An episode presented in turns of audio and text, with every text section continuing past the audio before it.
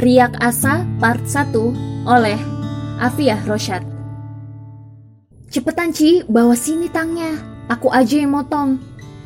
Suara sampelan namun penuh tekanan. Dengan segenap kepatuhan, Cici menyerahkan tang dan gunting. Dalam hitungan detik, pagar kawat berduri itu telah memiliki lubang besar di bagian bawahnya. Layaknya komandan, Sam cekatan tiarap melewati lubang pagar. Gerilyanya begitu apik, tak ada suara gerusak-gerusuk. Ayo segera keluar. Ade, Zahro belakangan. Perhatikan keadaan. Khawatir Pak Wafa datang. Sam mengomando dengan begitu fasih.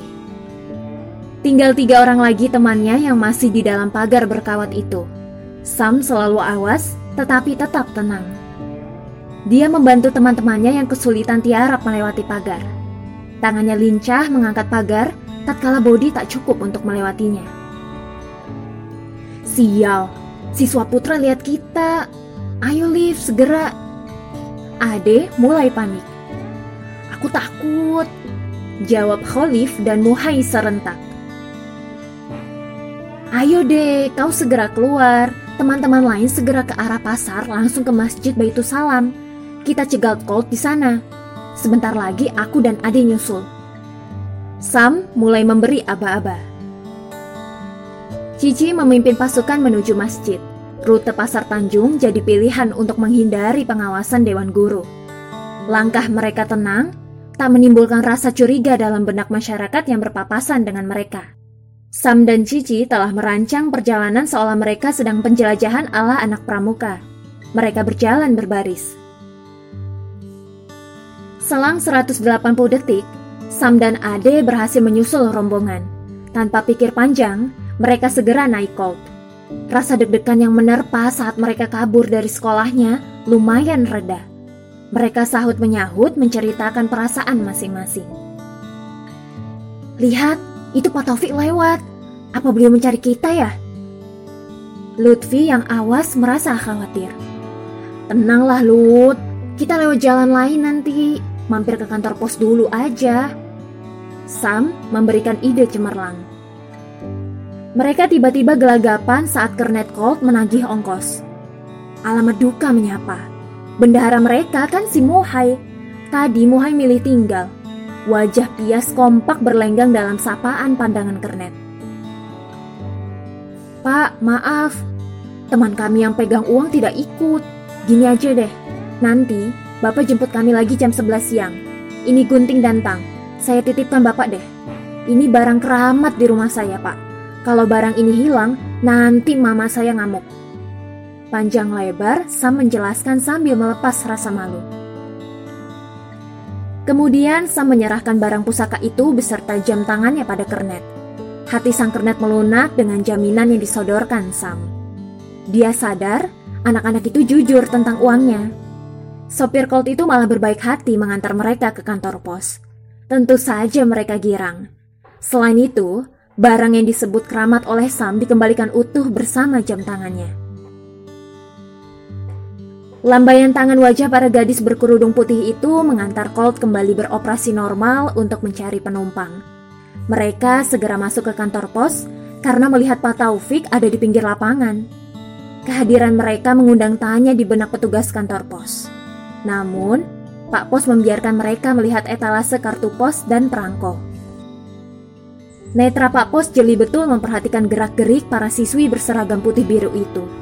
Dia bahkan mengekor pandangan Ade yang mengawasi keadaan sekitar. Sam yang menyadari tatapan penuh selidik itu, segera melempar senyum pada Pak Pos.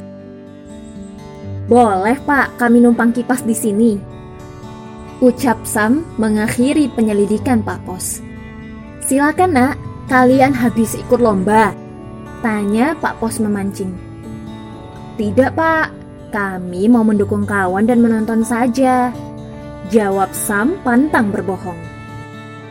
Belum sempat obrolan berlanjut, Ade sudah memberi aba-aba kalau Pak Taufik sudah berbalik arah. Mereka akhirnya pamit ke Pak Pos dengan sopan. Sam dan teman-temannya lega telah lolos dari kecurigaan Pak Pos. Namun, satu hal yang mereka lupa – di lengan kanan seragam mereka, tertempel angkuh bed lambang sekolah mereka. Sorak-sorai di lapangan begitu riuh. Para penonton berdesakan dihiasi debu yang berterbangan. Angin bertiup kencang ke arah utara. Grup putra dari sekolah Sam sangat diuntungkan berada di posisi selatan. Sekolah Sam berhasil memborong piala umum Bupati Cup 1999. Sam dan teman-temannya merayakan kemenangan itu. Jam di pergelangan tangannya masih menunjukkan pukul 9.45 waktu Indonesia Barat. Mereka berencana balik ke sekolah setelah menyaksikan penyerahan piala. Sayang seribu sayang, Sam dan teman-temannya harus menelan pil pahit. Mereka diminta balik ke sekolah oleh Pak Har. Mereka heran bisa ketahuan keberadaannya Padahal mereka sudah mencari posisi paling sepi. Dengan berat hati, mereka melangkah dari tempat persembunyian. Sekolah luar biasa yang terletak di sebelah selatan lapangan itu menatap wajah sendu para remaja belia. Segala prasangka berkecamuk dalam benak mereka. Sam sebagai kepala rombongan merasa bertanggung jawab atas kejadian ini. Ada beban moral bergelayut di hatinya. Apalagi mereka kini digiring ke arah ruang wakil kepala sekolah. Mereka saling melempar pandangan tatkala dipersilakan duduk di ruangan ber-AC itu. Mungkin kalau mereka sedang dipanggil bukan karena pelanggaran, mereka akan berbahagia bisa duduk di ruangan itu.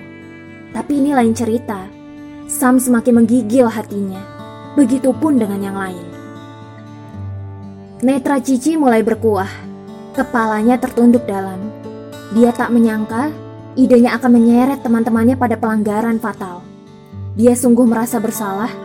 Keringat dingin sudah membasahi tiap pori-pori tubuhnya. Dia tak mampu menatap Sam dan teman-teman yang lain barang sebentar. Sementara, mereka yang menyaksikan Cici tertunduk dalam, bertambah gusar. Assalamualaikum. Pak Wafa memecah keheningan. Jantung mereka seakan hendak melompat dari singgasananya. Tak ada yang berani menatap Pak Wafa walau sekilas. Sam saja menunduk ke arah lantai berbentuk heksagonal. Saya dapat telepon dari Pak Pos. Beliau menyampaikan ada tujuh siswi yang numpang di kipas di kantor pos. Apa benar? Tanya Pak Wafa pelan. Anggukan kepala kompak menjawab pertanyaan Pak Wafa. Mereka menyadari Pak Wafa pasti marah dan kecewa. Sebenarnya, saya enggan tahu wajah kalian agar tidak kecewa. Tapi, saya tak ingin egois membiarkan kalian larut dalam kesalahan. Perihal apa yang mendorong kalian keluar sekolah tanpa izin? Coba jelaskan. Pak Wafa mempersilahkan dengan nada lembut. Dengan gemetar, Sam menjelaskan ihwal kaburnya mereka. Mereka sekedar ingin memberikan semangat dan menyaksikan pertandingan. Bersambung